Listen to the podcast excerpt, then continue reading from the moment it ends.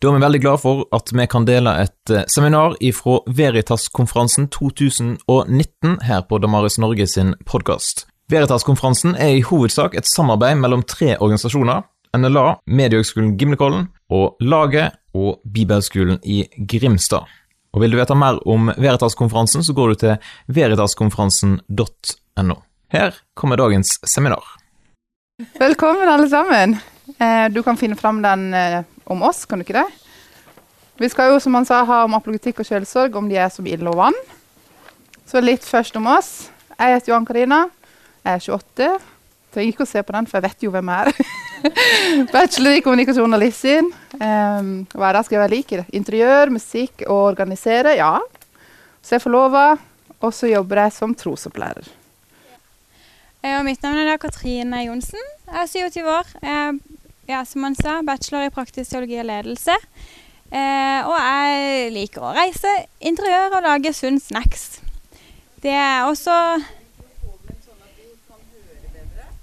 eh, Mikrofonen er egentlig bare for de filmer. Eh, så mikrofonen, det er ikke noe lyd til dere gjennom mikrofonen. Jeg skal prøve å snakke høyere. Det skal jeg gjøre. Eh, ja, så jobber jeg på Oasen skole, eh, og er gift med en som heter Christian. Ja. Å ja. Hvordan kjenner vi hverandre, Katrine? Ja, det var det. eh, vi gikk sammen på Drottningborg videregående skole. Eh, og har hatt noen felles fag i, eh, på NLA på Gimlekollen. Så vi eh, kjenner hverandre litt over noen år. Og har skrevet bachelor om dette temaet da, begge to. Selv om vi har forskjellige grader. Eh, og ble utfordra på å ha dette seminaret sammen. For det er ikke så veldig mange som har sett på disse to fagene sammen. Så det er veldig spennende, og derfor er det veldig gøy å se at dere er her. Hmm. Eh, en liten innledning til temaet. I møte med det gode og det vonde i verden, så stiller vi oss gjerne eksistensielle og utfordrende spørsmål. Og det kan utfordre troa vår ganske mye. Eh, og det er ikke alltid vi finner svar. Og da kan vi sitte igjen med en veldig sånn tom følelse og ikke vite hvordan man skal takle det. Og da har vi lurt på hvordan møter vi disse menneskene? Hvordan møter vi disse situasjonene? Møter vi dem med en fornuftig evaluering av situasjonen? En god, logisk argumentasjon for hvordan en god Gud kan eksistere eh, på tross av situasjonen? På den måten sånn at troa kan fornyes, og at de kan komme styrka gjennom det gjennom en krise. Eller møter vi det midt i håpløsheten med et nærvær som kanskje er med få ord, men som er med en omsorg som vi kan kjenne igjen i den bibelske Jesus. Eh, dette er spørsmål og tanker som vi har eh, lurt på og tenkt på. Og det er det som har liksom fascinert oss, da. Som har gjort at vi har satt oss inn i dette og studert dette. Um, for mange opplever at disse to fagene, sjelesorg og apologetikk, er veldig motpoler til hverandre og ikke kan høre sammen. Men vi lurer litt på, eller har tenkt at de er jo veldig viktige begge to. Eh, så nå, i dag, vil vi se litt nærmere på disse fagene. På de ulike praksisene. Eh, også i dette seminaret så vil vi på en måte ikke dekke alt med teorien og praksisen til disse fagene. Eh, det vil basere seg på våre egne refleksjoner og våre foreløpige tanker. Vi, er, vi, har studert ferdig på høyskolen, men vi er på en måte ikke ferdig med sjelesorg og apologetikk. Så ha, ha, nåde med oss, for vi er, vi er, underveis. Så dette er våre refleksjoner og tanker, så det er veldig gøy at dere er her for å høre de. Um, ja. Så vi, begynner vi med noen spørsmål til dere vi gjerne vil ha litt tilbakemelding på. Det første spørsmålet er, jeg, kan nesten ikke se det, vet du. Kan dere se det som står der nå? Ja. Det var litt lite, ja. Kan du lese det, du? Ja. ja. Hvilke assosiasjoner vekker begrepene hos dere? Hva slags tanker får dere når dere hører sjelesorg og apologetikk? Gjerne skyte ut. Vi vil høre. Noen må nesten starte. Det er alltid sånn. Det er en som må starte. mm. Mm. Mm. Ja. Ja. Mm. er jo liksom liksom, argumenter og kan Mm. bøker og sånne ting. Mm. Mm. Er det noen som har tenkt over eh, ordet sjelesorg? Det har jeg tenkt på noen ganger. Hvorfor, hvorfor heter det sjelesorg? Det høres veldig eh, tungt ut, for å si det sånn. Men det er kanskje ikke noen som har tenkt på det. jo, det er det. Ok, Ja. Det er ikke bare meg. Nei, men det er godt du skal ta en liten innføring i det også, da. Ja, vi gjør det. Ja, hvilke tanker har dere om fagene? Er det noen som vil si noe mer? Hva, vi kan jo vise noen bilder som vi tenker representerer. Er dette gode, gode mm, representative bilder på disse fagene? Kanskje litt sånn et beinhardt bilde av apologi. Ikke det til høyre, da. Ja. Ja. For det i hvert fall nede til venstre så kan det være tydelig apologetikk kan være til hjelp for andre. Mm. Mm. Kanskje å hjelpe noen å nøste opp i ting. Ja. Det er vanskelig å gjøre. Mm. Så er det behagelig å gå til en sjelesørger som ser ut som han lever til høyre. ja. Det, det tror jeg på, ja. Gode tanker. Noen flere som vil si noe om dette? Politikk skal jo ofte svare på veldig krasse påstander. Mm. Så det er ikke alltid en nødvendighet at det må være krass tilbake, men at det må være tydelig, det har jeg veldig tro på. Mm. Ja. Så eh, forhåpentligvis skjønner dere at det, dette har ikke vi, vi har ikke funnet disse bildene, for vi tenker at dette er de beste bildene på disse fagene. Men eh, noe av det er kanskje fordi vi tenker at eh, noen tenker om apologetikk, f.eks. At de ser for seg denne dommeren. Eller de ser for seg han som peker eh, tilbake, på en måte. Eh, det var jo litt eh, Litt artige bilder, syns jo vi. da. Det var gøy å høre at dere lo, for da Da ble vi kanskje enige til slutt. eh, skal vi gå videre? Ja. Vi har litt eh, innføring i apologetikk. Først og fremst kan vi begynne med det greske ordet apologia, som er forsvar eller forklaring.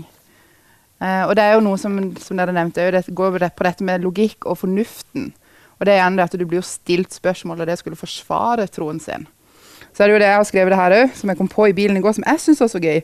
Det er at Apologetikken tar ofte utgangspunkt i et vers fra 1. Peter, som jeg da kaller Bibelens speiderløfte. For det står jo 'vær alltid beredt'. Og det er jo jeg som speiderne. sant? Vær alltid beredt til å forsvare dere for enhver som krever dere til regnskap, for det håp som bor i dere. Men gjør det i ydmykhet og med frykt, idet dere har en god samvittighet. Og Det syns jeg er veldig viktig å tenke på når man har en apologetisk samtale med noen og skal drive med apologetikk. At vi må huske det at vi skal være ydmyke, rett og slett. Og så har du en video som vi skal se litt på i forhold til en sånn situasjon. Som man, eh, ja, Gjerne en sånn apologetisk situasjon, da. Eh, deres, ja, det står 'God's Not Dead'. Det er noen av dere som ser det, kanskje. Men er det noen som har sett den filmen? Bare sjekke litt eh, Ja, det er noen. Så da skal jeg bare Det er litt sånn reklame for filmen. Jeg syns jo det er en kjempebra film. Eh, men vi skal vise et lite klipp fra denne filmen eh, på engelsk. Og eh, situasjonen vi viser fra, det er i eh, Ta meg hvis jeg tar helt feil nå, men jeg mener det er filosofiklassen de sitter i. Og så ber læreren om å legge et felles grunnlag i begynnelsen av året på filosofitimene, så de slipper å diskutere det unødvendige. Og da ber han alle elevene i klassen om å skrive på en lapp 'Gud er død', og levere det inn. Og da er det én elev som ikke kan gjøre det, for han er kristen. Og da blir han bedt om å forsvare kristendommen, forsvare Gud, i de siste minuttene av klassen eh, så og så mange ganger framover, på en måte. Så dette er et klipp fra en av disse eh, gangene hvor han forsvarer Eh, sin kristne tro for hele klassen og mot læreren sin. on trial. Issue is to look at the available evidence, and that's what we're going to do. We're going to put God on trial with Professor Radisson as the prosecutor, me as the defense attorney, and you as the jury. Most cosmologists now agree that the universe began some 13.7 billion years ago in an event known as the Big Bang. So let's look at uh, theoretical physicist and Nobel Prize winner Steven Weinberg's description of what the Big Bang would have looked like. And since he's an atheist, we can be sure there isn't any uh, believer bias in his description.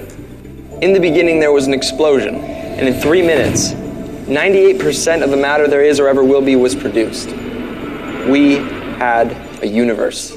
For 2,500 years, most scientists agreed with Aristotle on the idea of a steady state universe, uh, that the universe has always existed with no beginning and no end. Uh, but the Bible disagreed. In the 1920s, Belgian astronomer George Lemaitre, a theist, who's actually also What's a theist? a theist is someone who believes in the existence of God. He said that the entire universe, jumping into existence in a trillionth of a trillionth of a second, out of nothingness in an unimaginably intense flash of light, is how he would expect the universe to respond if God were to actually utter the command in Genesis 1 3, let there be light. In other words,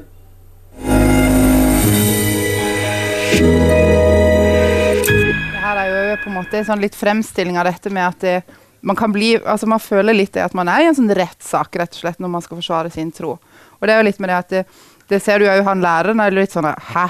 Interesserer de seg faktisk? Sant? Og det ser du at de, de er jo faktisk interessert i det han står og forsvarer. Og så er jo også, Vi har jo snakka en del om det nå når vi har holdt på med det her, at vi vil gjerne få fram at sånn som her, det, altså det er jo veldig høyt nivå gjerne på det han prater om. Men det er jo sånn at apologetikk det er jo for alle. Altså Alle kan drive med apologetikk. Det er jo sånn at alle, Når de forsvarer sin tro, så er de en apologet. Det er jo sånn det er. Og det er det vi er kalt til å være. Så vil jeg også få fram dette med at det, apologetikk er jo viktig i tre faser. Det er jo før du er kristen, underveis, du stiller spørsmål da òg, og tiden etter at du er blitt kristen òg. Det er ikke sånn at hvis du har en venn som du på en måte har fått kristen, så er det på en måte bare nok. Da trenger du ikke å stille, svare på spørsmål der mer. På samme måte som de som ikke er kristne. De òg har jo forskjellige spørsmål underveis. Skal vi se Apologetikk i verktøykassa, er det ikke den? Jo.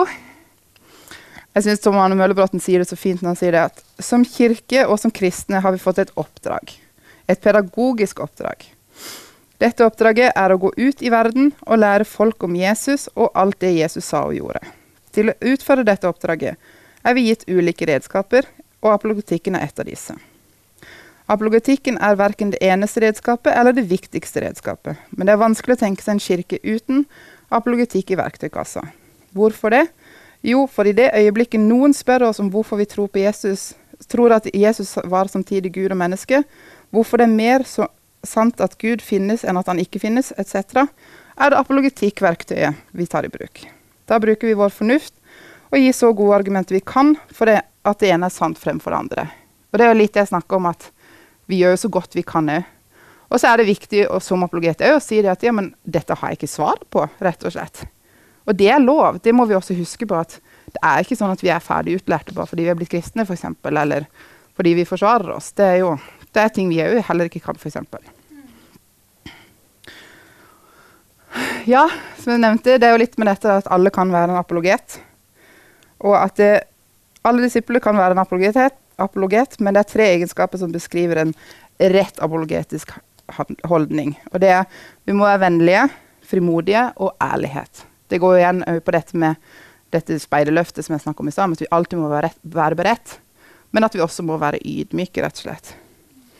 Og Med Jesus som eksempel så handler det om nærvær, åpenhet, nysgjerrighet, søken etter sannhet og innsikt. Og Det skal vi også gå litt inn på etterpå. Litt eksempler på hvor vi kan se i Bibelen at, Gud, nei, at Jesus og Gud og, ja, at de jo på en måte har vært en apologet. da. At uh, dette ikke er et sånn helt nytt fenomen som vi liksom har funnet opp, funnet opp nå. Det er på en måte, det har vært alltid. Um, og Bibelen kan være ganske vanskelig å forstå. Og det er jo det at det, Man kan havne i troskriser pga. de vanskelige spørsmålene og ha behov for en større forståelse av troens og Bibelens innhold og sammenheng. Og som Oddvar Søvik sier, hensikten med apologetikken er ikke først og fremst å vinne en diskusjon, men å vinne mennesker. Det er også en veldig viktig sak med det. at vi, vi, vi er jo ikke ute etter å på en måte bare vinne diskusjonen. Vi må ha mennesket i fokus, rett og slett. Det var litt om uh, apologetikk, en sånn helt kort innføring. Så tar vi litt om sjelesorg. Uh, og sjelesorg, det, det handler jo om følelser. Altså det handler om å bli møtt i følelsene og opplevelsene man har. Og det kommer, nå kommer da den forklaringa på, på sjelesorg. Jeg tror nok ikke det ordet sjelesorg er det beste ordet. Men det kommer altså fra det tyske ordet 'selensorge'. Jeg vet ikke om det er riktig sagt, men det betyr omsorg for sjelen. Og hvis, dette, hvis en heller kunne sagt det istedenfor sjelesorg, så hadde det vært mye mer beskrivende, syns nå, i hvert fall. Um, og vi har valgt ut én definisjon. Det finnes mange som har forskjellige fokusområder og beskriver det litt forskjellig, da. Men vi har valgt denne eh, fra Teosorg, som sier at sjelesorg er ut ifra evangeliet å bistå alle slags mennesker i livets grunnsituasjoner ved hjelp av en helbredende samtale i Jesu navn. De, de definisjonene de blir som regel ganske lange, og det blir veldig tungt å ta imot. Men eh, grunnen til at vi valgte denne, er fordi at den tar for seg Det står alle slags mennesker. Det er for alle. Det står livets grunnsituasjoner. Altså det, det handler om hele livet og situasjoner som oppstår i livet i hverdagen. Eh, og gjennom en helbredende samtale i Jesu navn. Eh, sånn, vi forstår det som at det er troen på at Jesus er til stede i samtalen, og at han med å være til stede gjennom Den hellige ånd i oss, kan helbrede eh, fysisk eller psykisk eller relasjoner gjennom denne samtalen. da. Eh, det er litt ark. Ja. Så skal vi se på denne her filmen er Emmausvandrerne. Eh, det er rett og slett en trailer fra filmen med samme navn. Eh, jeg har ikke sett filmen. Er det noen som har sett den? Nei. Det Da er, er vi i samme båt alle sammen. da er vi i samme båt. Men eh, uansett så er det jo Det er jo basert på historien fra Bibelen om Emmausvandrerne. Og de av dere som har vært litt borti sjelesorg, dere vet kanskje, har kanskje hørt at den blir gjerne brukt som et eksempel på det å være en sjelesørger. Det å være en eh, medvandrer som går sammen med eh, konfidenten eller den som søker sjelesorg, eh, på livet, liksom. Gjennom livet og snakker sammen og er til stede.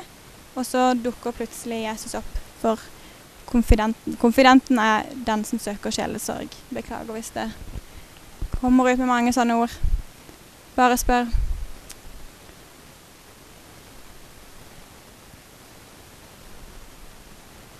Håper ikke det kommer reklame. Jo da.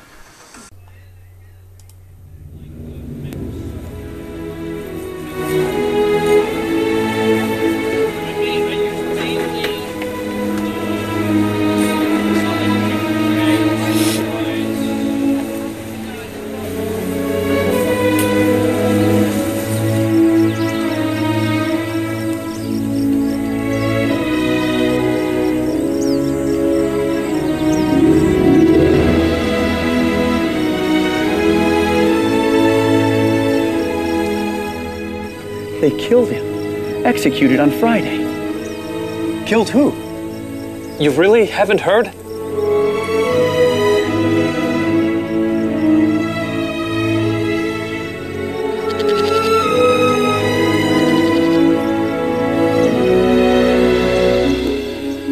Jesus' death? Friday? That's in the ancient writings from more than a thousand years ago? Yes. Why are you so slow to believe the prophecies that said the Messiah would have to suffer exactly the way this Jesus did? He also said he would come alive on the third day, which is today. Today. So you should see him today. Or do you think he was lying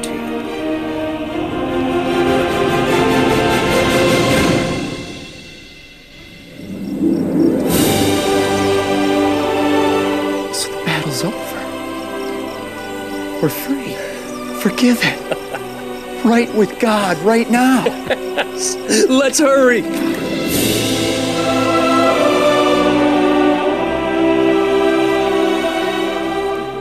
We saw him.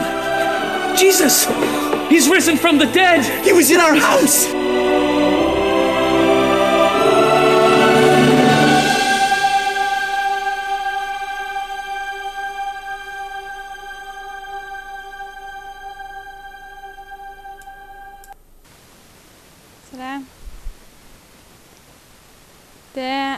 Altså da, som jeg sa eh, at Jeg syns den er veldig fin, da, på eh, å se hvordan Vi skjønner jo eh, hvem Jesus er, den tredje personen her, eh, som er med de hele tida.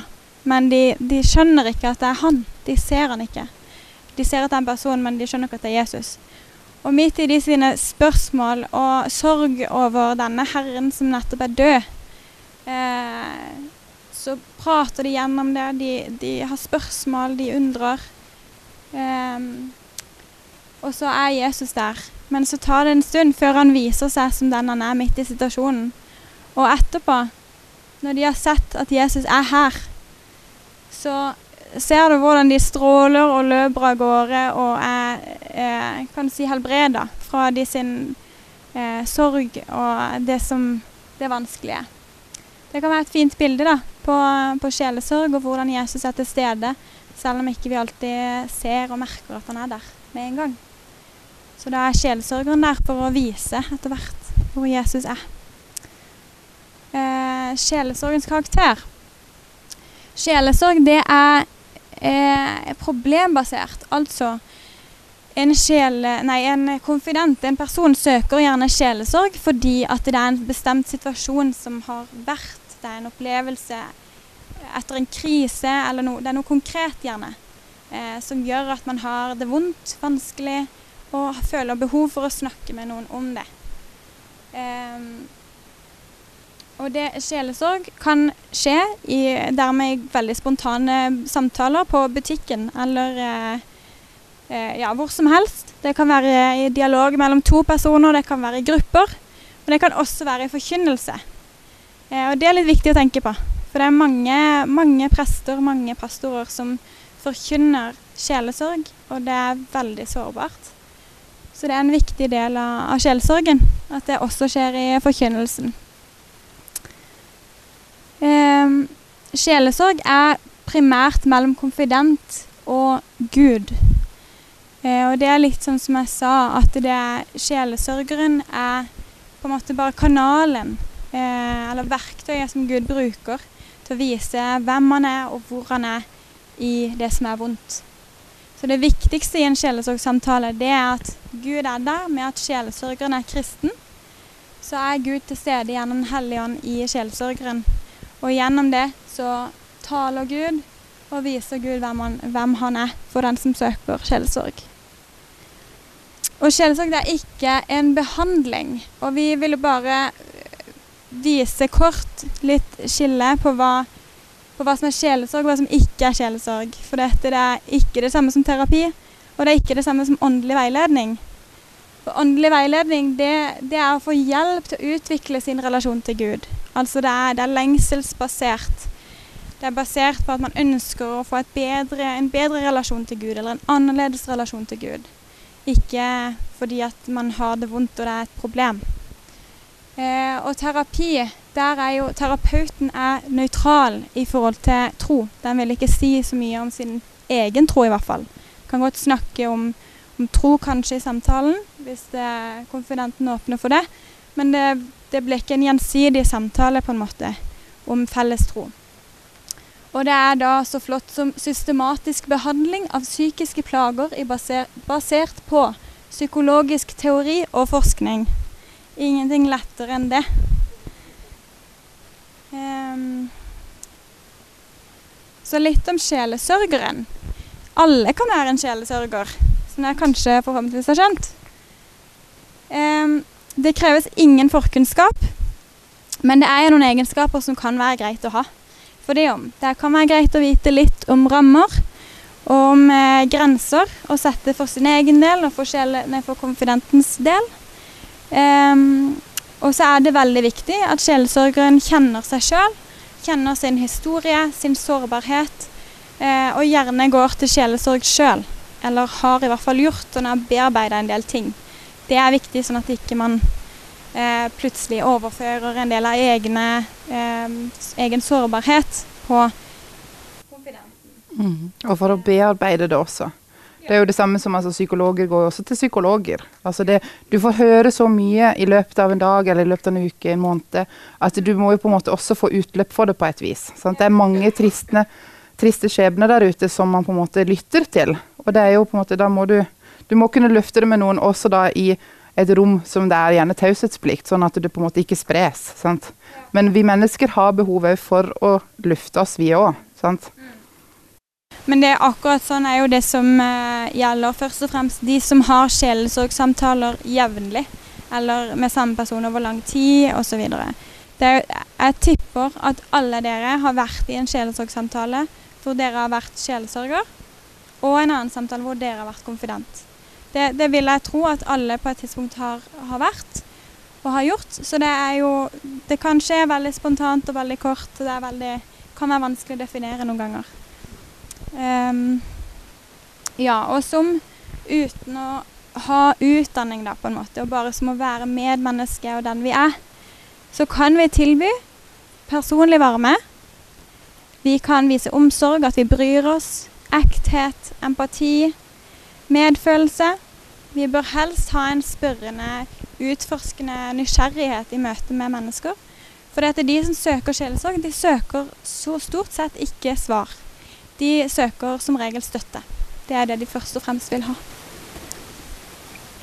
Eh, og målet med den sjelesorgiske samtalen det er å ta vare på og gjenopprette relasjoner mellom mennesker, mellom menneske og Gud, og mellom menneske og verden. Og I Det nye testamentet så, det, så finner vi fundamentet for den kristne sjelesorg. Og Det kan sammenfattes i disse ordene som står her. Eh, det står også bibelstedet til, så det var litt rotete. Men trøste og formane, vise til rette, hjelpe, vise omsorg for hverandre, tjene hverandre. Det er noen ord som sier litt om det å være sjelsørger da, fra bibelsk perspektiv. Og så vil vi nå komme med noen eksempler. Um, ja, se på litt eh, situasjoner hvor vi kan bruke apologetikk og sjelesorg. Ja. Vi kan begynne med skam. Forskjellen på skyld og skam. Skyld der det kan bekjennes, beklages og befris. Men skam da er det gjerne 'jeg er feil'. Det er gjerne noe du skammer deg for. sant? Og det er en følelse som gjerne sitter ordentlig i kroppen òg. Det er ikke knytta til å gjøre, men å være. Um, og skamfølelsen den kan øke av at noen vet om det, og at det, du ønsker ikke det her. Eller at du, altså, du har havna i en situasjon som rett og slett ikke er noe god. Og Det betyr det å skjule det, eller det dekker det til. Du ønsker, altså, du ønsker rett og slett ikke at andre skal finne ut av det her, eller se det. Det er en del av det som Ja. Mm. Og det er gjerne i, i blikk med andre. Mm. Men jeg vil påpeke at det finnes jo også, vi snakka en del om det når vi har eh, holdt på med dette, at det finnes jo også en form for grensesetting som er veldig sunn. Mm. For eksempel så er det jo veldig bra hvis jeg på en måte hvis jeg får skam av å plutselig bare begynne å beføle den som jeg sitter ved siden av. Det er jo en sånn bra skam. Sant? Det er jo sånn, det, OK, da gjør jeg ikke det. Sant? Eller løpe naken midt i marken. Altså, ja. Det er skammen som gjør at ikke vi gjør det. Ja. For å si det sånn. Så det er en sunn og, og god skam vi òg har. Ja. Mm. Og det er jo en del av det å være menneske, rett og slett. Mm. Eh, og så er det viktig for oss å få fram det at eh, her òg kan vi jo se på det sjelsørgeriske og det apologetiske. At det, men i Guds bilde så er det jo ikke feil, uansett hva du har gjort eller føler på. eller noe sånt. Til Gud kan du komme sånn som du er uansett. Og uansett hva du føler på i det hele tatt. Og det har ikke noe å si du, altså, I møte med Gud så har det ikke noe å si hva andre mennesker mener eller føler. Da, mm. Da er du bare deg selv. Mm. Og det syns jeg er veldig fint. Eh, mm. og vi har tenkt å ta opp et eh, bibelvers som du har ja. tenkt å ta om det, nettopp dette hvor Jesus møter det. Mm. Det er ja, kvinnen som ble tatt i ekteskapsbrudd. Eh, det er jo denne her kvinnen da, som ble ført fram av en del eh, menn som har tatt henne på fersk gjerning eh, ja, i ekteskapsbrudd. Og tar henne fram, fører henne fram til Jesus, som sitter og tegner i sanda. Og, og, anklager og spør Jesus skal du ikke, hva skal du gjøre nå. Hun har gjort dette, og dette er ikke, det du har sagt ikke er greit. Hva gjør du med dette? Og det Jesus gjør da, det er jo å si hvem, hvem av dere er det som aldri har synda? Eh, han fører frem på en måte, Han får frem sannheten. Dere alle har synda. Det er sannheten. Eh, og han møter henne eh, sjelesorgerisk med å si 'heller ikke jeg fordømmer deg'. Eh, han møter henne midt i den, midt i den skammen som, hun, som blir tatt opp i all offentlighet og foran Jesus. Så er han der og sier 'jeg fordømmer deg heller ikke'. Et der, kort eksempel. Ja, og der mener jeg også at vi knytter inn det apologetiske. At Jesus Jesus ja. sier det, at ja, men jeg fordømmer deg ikke. Og det er jo noe de som kommer da og skal på en måte ta henne på dette, det er jo noe de da lærer. Sant? At ja, ja, er det sånn det er egentlig? Sant? Er det sånn vi skal være? Mm. For det er jo litt med det at vi skal jo følge Jesus, og vi skal på en måte se på de, de verdiene. Og da, det jo, da viser jo han oss hvordan vi kan møte mennesker. Ja. Tvil, ja. Alle møter på tvil i livet. Jeg tror ikke jeg har møtt et eneste menneske noen gang som har ikke har tvilt i det hele tatt. Og det er uansett hva. Er, uansett hva så tror jeg noen har tvilt på noe. Og så er det jo litt med dette med tvil er i troens rom. Eh, det at det, det, det er helt naturlig. Det er Altså, det, det å tro på noe, selvfølgelig tviler du òg. Jeg har skrevet Marihøna her. Det er fordi jeg har lært et veldig greit eksempel på Hvis hvis du tenker deg at du er en marihøne i en kjempestor skog, og så tenker du at du flyr og du flyr og du flyr, og du flyr, så har du flydd 50 meter, så finner du noe nytt. Så flyr du, flyr flyr så har du flydd 200 meter, så finner du noe nytt. Så hvis du fortsetter sånn her i en uke, i to uker, i tre uker, så har du allikevel ikke sett alt i denne skogen. Og da kan du begynne å tvile. Hvor slutter skogen? Er det egentlig noe annet i denne skogen? Du har så mye spørsmål. Og sånn er det også med Gud. Selv om jeg, jo, jeg har vært kristen hele livet, jeg har likevel tvilt til tider. Og jeg har så mange spørsmål. Fordi at han er så overveldende. Det er så stort og fint. Og det er sånn som den marihøna. At ok, men det er en marihøne. Og så er det det er jo noe av det som jeg syns er litt spennende. da, At du kan rett og slett finne ut noe nytt hele veien. Mm. Um, Og hadde en ikke hatt eh, noen tro, så hadde vi jo ikke hatt noe å tvile på heller. Hadde vi visst, så hadde det jo ikke vært noe tvil. Det er jo definisjonen, ikke sant? Så det er jo i troens rom i den forstand at det, uten tro så har du ikke noe å tvile på. Det er en helt naturlig del av det å tro på noe, og spesielt sånn som vi tror på noen som er så mye høyere over oss, som har skapt oss. Det er helt logisk at vi ikke forstår, og at vi dermed tviler. Og det er jo det hvis du er den marihøna, da. Hvis ikke du tror at det, altså, tror at det kan være noe mer, da vil du jo heller ikke fly for å sjekke om det er noe mer. Ikke sant? Da er det bare sånn OK, men da, da var dette det. Ja. ja det, tenker du at det er jo en sunn ting òg, det å tvile, eller det å på en måte ville utforske. For dette da, ok, så ja, Det er kanskje skummelt for den marihøna når hun plutselig flyr 500 meter den veien og møter en bjørn, men så flyr hun den veien, og så finner hun en vakker del av skogen. ikke sant? Og sånn er det også med Bibelen og med Gud i det hele tatt. at vi, Det er sider, det, det er vi ærlige på, at det er jo sider med det vi ikke liker òg. Og det, sånn må vi også være beredt på å møte. Altså Folk sier det, ja, men dette har jeg lest, hvordan skal jeg møte det? Så sånn, selvfølgelig, Du må være ærlig på at ja, men jeg, det er ting jeg heller ikke liker. Det er en del av det store bildet, rett og slett. Men så er det akkurat det. For marihøna så er det jo egentlig en stor, fin skog. Sant? På samme måte som også at det er en stor, fin gud. Ja. Eh, Et eksempel er jo eh, classic eh, Thomas Tvileren, eh, som var den eneste som ikke fikk se Jesus når han var stått opp igjen. Og sa da at 'jeg tror ikke før jeg får ta inn i sårene'. Det høres kjempeekkelt ut, spør du meg. Men ta inn i sårene i sida og i hendene og kjenne. Det er liksom ikke nok engang å bare se sårene. Man skal ta på dem og kjenne på dem. Um, og Jesus møter han jo på det. Og kommer og viser seg. Og vi, beviser. Ta, kjenn. Det er meg. Jeg er her. Ja. Et kort eksempel. Og så er det sorg. Og Grunnen til at vi også har tatt skam, tvil og sorg, er jo også fordi at for det første er det jo situasjoner alle kan havne i, men det er også situasjoner som alle på en måte kan møte folk som opplever. Og det er greit å være obs på de tre hovedområdene, fordi det er så grunnleggende i oss mennesker.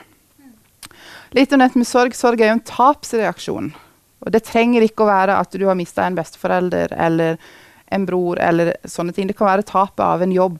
Det kan være tapet av en, et håp du hadde. Tapet av Du har bydd på et hus du ikke fikk. Altså folk sørger over mye forskjellig. Og det er også veldig viktig å tenke på at det, hvis en person kommer til deg og sier ja, men jeg har sorg for noe, så er ikke det nødvendigvis OK, nå må jeg liksom man må opp, nå må jeg på en måte snakke om dette med sorg og død og sånn. Det er ikke alltid det er sånn heller. Det kan være noe sånn banalt da, som at åh, jeg fikk ikke drømmehuset. Sant? Men for me veldig mange så kan det også være en veldig grusom ting, og som de må, må på en måte diskutere med noen. Og veldig, veldig ofte så er det jo det at det, man begynner å anklage eller å si det, ja, men det her er Guds feil. Det er Gud som gjorde at jeg ikke vant. Det er Gud som gjorde at bestemor døde. Ikke sant? Det er jo det er, det er, så vanlig at de er sånn Men hvorfor? Hvorfor gjør Gud dette mot meg? Hvorfor eh, får jeg ikke lov til dette? Hvorfor ditt? Hvorfor datt? Og hvorfor er Gud så ond når dere sier han er så god? Sant? Og Det er også en sånn ting som vi møter veldig på. Og Det er også en sånn ting hvor vi både sjelesørgerisk og apologetisk vil kunne stille oss altså, SF snakka jo litt når vi, hadde, når vi holdt på med dette, at det, handler litt om å ta på seg en hatt. At ok, I dag er jeg på meg apologethatten, i dag har jeg på meg sjelesørgerhatten. Og når, jeg, når, vi på en måte sier det, ja, det er som ild og vann, så føler jeg det litt det at du kan ikke ta på deg to hatter på en gang. Men jeg føler jo litt av og til at i en sånn situasjon så må du på en måte ha fire-fem hatter på. Fordi at Jo, men det er jo litt sånn, altså det Og det, da ser du rar ut. men så handler jo litt det om Altså, folk vil forstå. Det, alle forstår på en måte når, de, når vi snakker med dem etter hvert, og når sorgen legger seg, så vil man jo forstå at ok, kanskje var det ikke Guds feil, eller ok, jeg kommer meg gjennom dette. Men der og da så må vi ta mennesker for det, den situasjonen de er i. Og det syns jeg er kjempeviktig å tenke på. at Uansett hva slags sorg man kommer med, så må du ta de der de er. Og det er ikke alle som sørger likt. Og det må vi være obs på.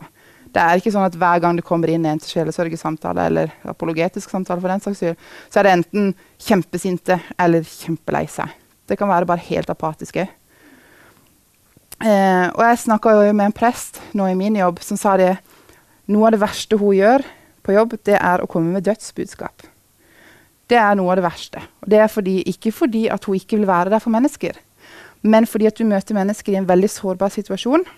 og hun kan risikere at enten så blir de veldig glad for at hun kommer, eller så blir de sinte. For det er sånn Hvorfor presser du på meg det her nå? Hvorfor er det du som kommer? Hvorfor kommer ikke politiet på døra? Ikke sant, sånn. Og så er det jo det at eh, folk kan jo da forbinde den personen enten med Å ja, der kommer presten. Hva skal hun i dag si? Sant? Det er kanskje første gang de har sett henne, og eneste gang. Så får de den derre Oi, der er hun igjen. Eller så kan det være Å, det var så godt at hun kom. Og det er så godt å se henne på butikken to uker etterpå. For det er hun som tok vare på meg. Og det er jo også noe som vi også må være forberedt på når vi møter mennesker. At vi kan også bli den personen som folk er sinte på i etterkant. fordi vi ikke Altså vi har kommet med beskjeder som de kanskje ikke liker, eller som ikke de takler så godt. eller ikke sånt, Men at vi må på en måte være sikre, sikre i vår sak og sikre i vår tro. Og allikevel på en måte prøve å formidle budskapene så godt vi kan, og så møte mennesker i etterkant òg der hvor de er i det, rett og slett. Snakke litt om jobb. Ja. Eh, jobbsbok. Jeg vet ikke hvor mange som har eh, tørt å begi seg ut på den. Det er jo en eh, trist bok eh, uten like. Men eh, eh, kort sagt, jobb mister alt i livet sitt. og når vennene hans hører dette, så er de sin første reaksjon er at de selvfølgelig får vondt av han og vil gå og være sammen med han. Så de reiser til han og ser hvor vondt han har det, og de sitter sammen med han. Jeg tror de sitter i, i syv dager eller noe sånt, bare, bare er sammen med han. Eh, og sånn møter de han på Jeg syns det er en helt fantastisk måte. Det har krevd mye av meg å bare sitte med noen i syv dager. Eh, uten å, I hvert fall uten å prate. Eh, men seinere, da, så, så, så, begynner disse vennene å slite litt mer. Fordi de er som oss alle, at vi søker logikk. Vi søker å forstå.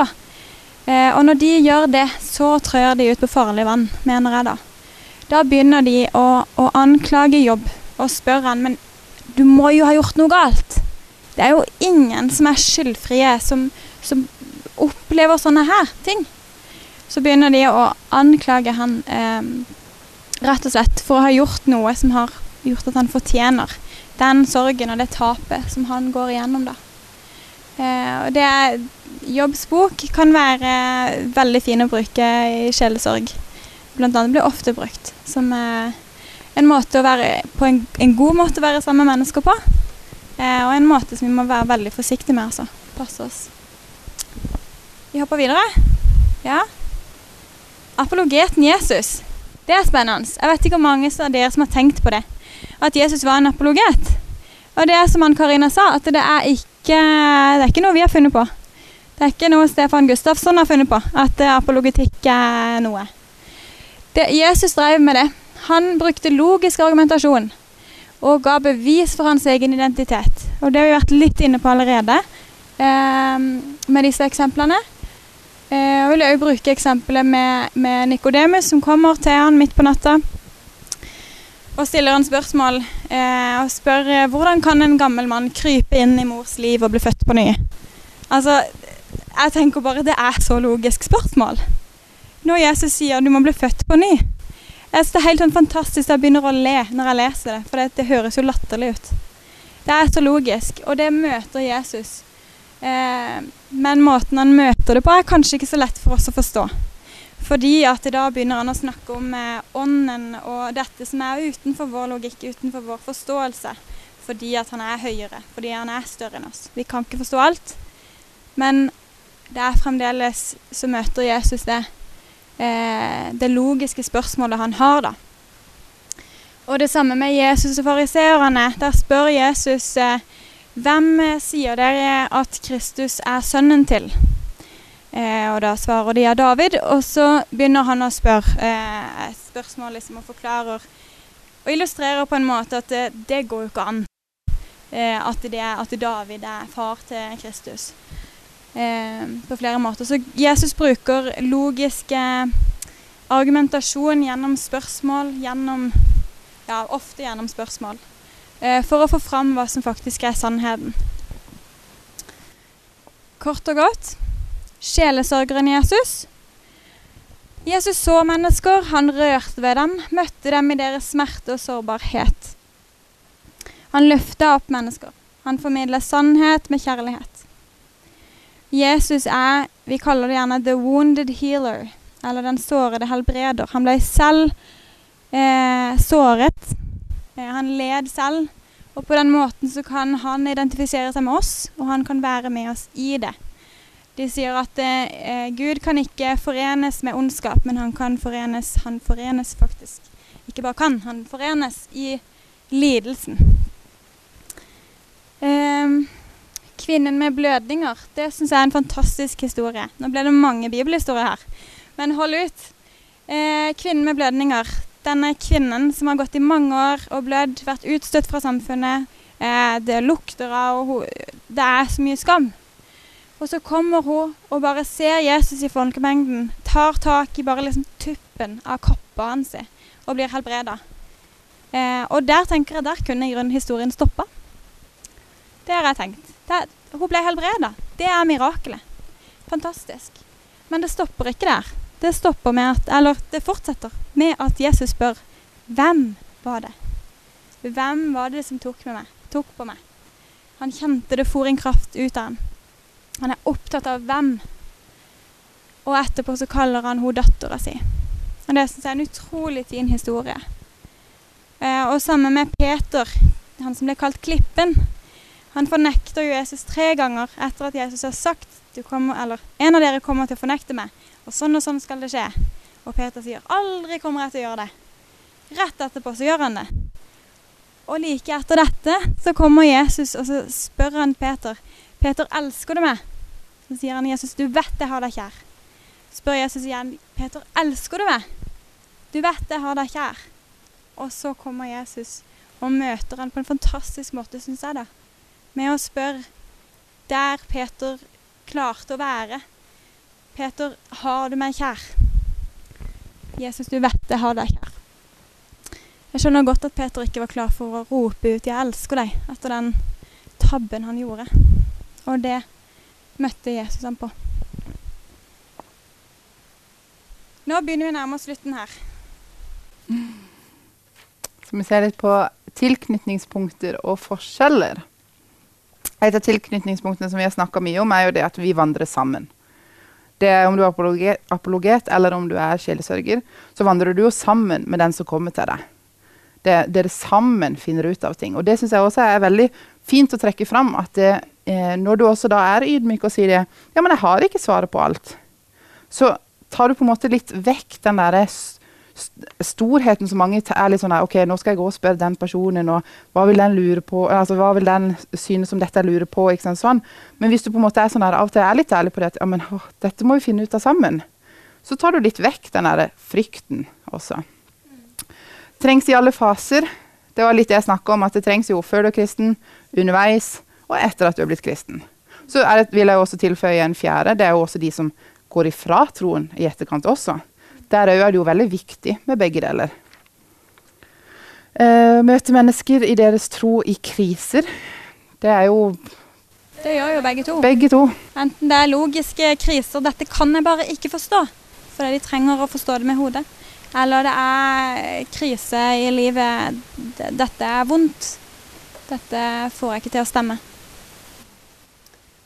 Det var altså ja, sjelsørgerskap og apologetisk, Ja. skjønner det nå. Og begge to, de søker sannhet. Ja, Og så er det det som vi har nevnt noen ganger nå, at alle kan. alle kan gjøre begge deler. Alle kan ha på seg hattene. Det, Ja. ja.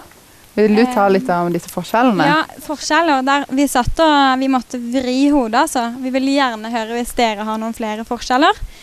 Eh, men vi har kommet fram til at noen, disse forskjellene, da At eh, apologetikk, det går jo på det intellektuelle. Det går på vår logiske tanke og fornuft. Eh, mens sjelsorgen går mer på følelsene våre.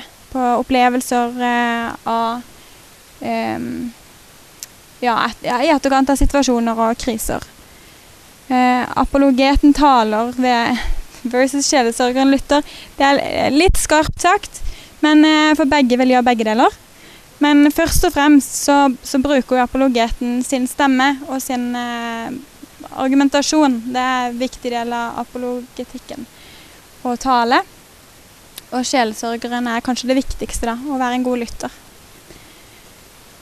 Eh, og så skrev jeg hverdag versus situasjon. Altså apologetikken er kanskje noe som dukker opp oftere. Det er litt mer sånn naturlig del av vår hverdag kanskje, å stille logiske spørsmål og, og ha disse samtalene. Mens eh, sjelesorgen er mer sånn situasjons- eller problembasert, som jeg sa. At det dukker opp av noe. Ikke nødvendigvis noe som bare flyter sammen med hverdagen vår på samme måte. Og så må vi jo tilføye at det, de to praksisene ser veldig forskjellige ut. Apologetikk og sjelesorg. Eh, de to sam typer samtalene da, de vil se i praksis veldig forskjellige ut. Eh, men som dere skjønner, så har jo vi, vi gått dypere inn i det og opplever sjøl at det, de henger veldig fint sammen. De jobber veldig fint sammen. Det er jo litt som jeg pleier å si uh, forloveden min sitter her, at eh, han er gjerne hjerne når jeg er hjerte. Ja. Og det er jo fordi at han er jo mye flinkere på det apologetiske, og jeg er flink, altså flinkere, men på dette med det sjelesørgeriske. Men så er det viktig på, på en måte at vi også snakker sammen, og på en måte blir flinkere i hvert sitt felt. Og også huske på det at Men samtidig så er det viktig å se på det at ok, men jeg er jo også flink på det apologetiske. Det er bare at noen ganger så vil jeg på en måte heller trekke det sjelesørgeriske fram, f.eks. Og det, der ser du jo på en måte litt dette med ild og vann. At det, det, vi synes jo ikke det. Nei. Vi syns jo på en måte ikke de er ild men at de på en måte de kan fint sammenføyes. Og det De trenger hverandre. Ja, De gjør rett og slett det. Mm. Et fint sitat som vi har plukka ut. Den enkelte har aldri med et annet menneske å gjøre uten at han holder noe av dets liv i sin hånd. Av Knut Løgstrup. Fint å ta med seg. Og så skal jeg lese noe helt eh, ganske, ganske til slutt.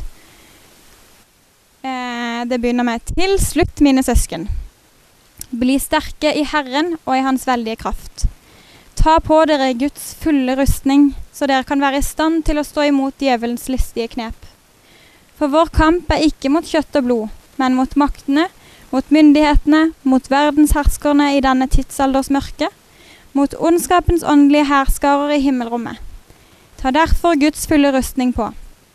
For at dere kan være i stand til å stå imot på den onde dag, og å bli stående etter å ha vunnet seier i alle ting.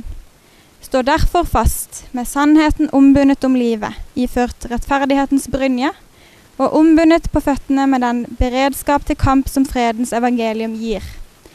Ta framfor alt troens skjold, med det, med det er dere i stand til å slukke alle de brennende pilene fra den onde. Og ta frelsens hjelm og åndens sverd, som er Guds ord. Og be hver tid og stund med all bønn og påkallelse i ånden. Det ville vi ta fram fordi at eh, det står 'ta på Guds fulle rustning'. Ikke bare en del av det. Ta på Guds fulle rustning. Hele greia. Eh, vi tar fram Jeg har understreka brynje og hjelm fordi at brynjen beskytter overkroppen. Beskytter hjertet vårt. Våre følelser. Og hjelmen, for den beskytter vårt intellektuelt, vår, vårt sinn. Og vi må ta på oss hele. Beskytte oss. Guds fulle rustning. Eh, og det gjør vi med å kjenne og forstå mer av ordet, Bibelen og sammenhengen. Men også med å finne vår innerste sårbarhet og finne ut hvor Jesus er i det.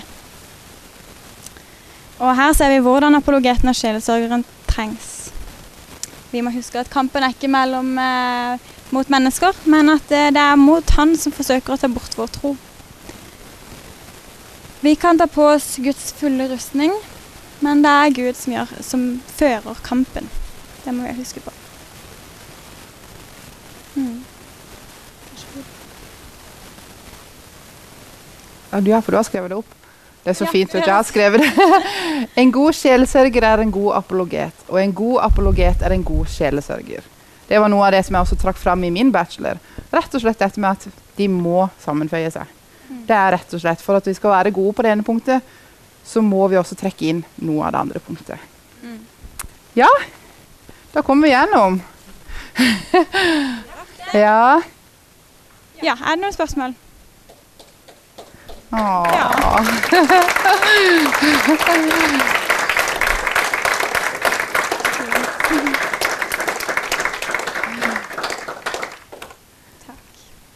Og det, I dag reiser jo du nokså snart.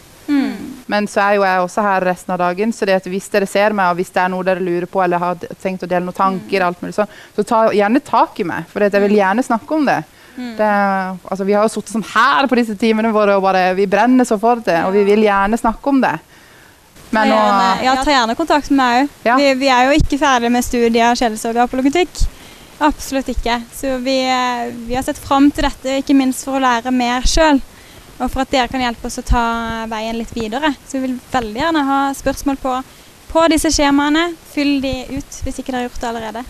eh, sånn som jeg pleier å se på det, er jo litt det at eh, hvis jeg sitter i en veldig sårbar situasjon med noen, og det er veldig tydelig at de ønsker jeg bare skal lytte, så eh, er det så lett på en måte for de som kan det, da, at på en måte bare OK, men nå har jeg 15 bibelvers som jeg har lyst til å på en måte presse på her, og bare Ja, men se her i Bibelen, ikke sant, så kan det være at den personen trenger det jo ikke.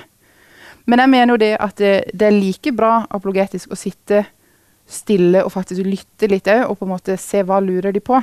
For jo lengre du på en måte da lytter, så får du også litt mer åpning for at eh, OK, men kanskje vi kan lure det, lure det inn. Men med, at, men med at vi kan på en måte snakke litt om OK, men hvordan kan vi løse dette sammen? Sant?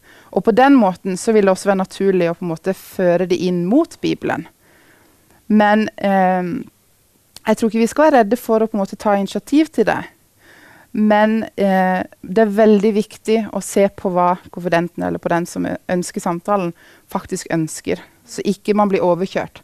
For da er det også veldig lett å på en måte etterpå bare OK, men det, det her vil jeg ikke oppleve igjen. Sant? Og da, neste gang du opplever noe sånt, så er det sånn Nei, OK, men da, da sier jeg det ikke til noen. Ja, det, det kommer jo helt an på, tenker jeg, om du, om du kjenner den du snakker med godt eller ikke. Eh, for det er jo på en måte det grunnlaget du har i samtalen. Så hvis, det, hvis du kjenner personen godt, eh, og har kanskje flere samtaler, eller eh, noe sånt, så tenker jeg at det gøye svaret er at du bare kjenner etter. Eh, noen, eh, noen trenger og ønsker å høre litt sånn logiske eh, forklaringer eller forklaring. Ja. Noen logiske tanker i hvert fall eh, om, eh, om hvem Gud er. Og, ja. Men det er et godt spørsmål, for det kan være veldig vanskelig å se for seg åssen det kan eh, passe inn. For det, det handler jo litt om å se an personen òg. Det er jo, altså Sånn som i mitt konfirmantarbeid, for eksempel, så er det jo et par av de guttene som de stiller jo så mye spørsmål. Og det er så tydelig at de, de vil egentlig ikke høre svaret. De vil egentlig bare avbryte underveis. Men hvis de da kommer til meg en gang og har en sårbar situasjon, så vet jo jeg da at eh, det nytter ikke for meg å bare pese på med, altså, pøse på med Bibelen og bare OK, her har du fem bibelvers om det her. For det, de er egentlig ikke interesserte. Og det er jo, altså, vi, vi, må se det veldig an på personen og situasjonen i det hele tatt. Men eh, jeg tror at i de aller fleste sjelesørgelske samtaler så vil det apologetiske komme fram. Men ikke alltid som i form av bibelvers eller en eller annen oppramsing. eller at dere, ikke sant? Det kan like gjerne være at du spør på slutten av samtalen kan jeg få lov å be for deg. Og hvis du får lov til det, så er det kjempebra. Og da kan det godt være den personen tar det med seg når den går hjem. At å, det var så godt det ene hun sa i Bibelen, nei, i, i bønnen. At det, å, det vil jeg faktisk se litt videre på. Ja. Mm. En godt spørsmål. Ja. Mm. Noen flere? Mm. Ja. ja. Det, ja. Dette med at eh, apologetikken også eh, går på det følelsesmessige. Og ja. Det, og, ja. det vekker følelser. De apologetiske, logiske spørsmålene vi har, vekker også. Det er jo kobla sammen. Ja. Eh, mitt svar på det er gjerne Jeg pleier å trekke fram eh, Speakers Corner i, i, England. Hvor det er litt sånn at der står de, de øver på forhånd på det de skal si. Altså, jeg, jeg liker ikke den situasjonen i det hele tatt. For så stiller de seg opp sånn her på en sånn bruskasse, og så står de og bare skriker ut alt det de har øvd på. Og det er jo fordi at de er jo så gira. Og de er så motiverte for dette de skal si. Men så opplevde jeg når jeg var der, at det var litt sånn Men dere tar jo ikke imot spørsmålene som kommer tilbake. Og det er jo gjerne det negative, at det, det vekker så mye følelser i folk.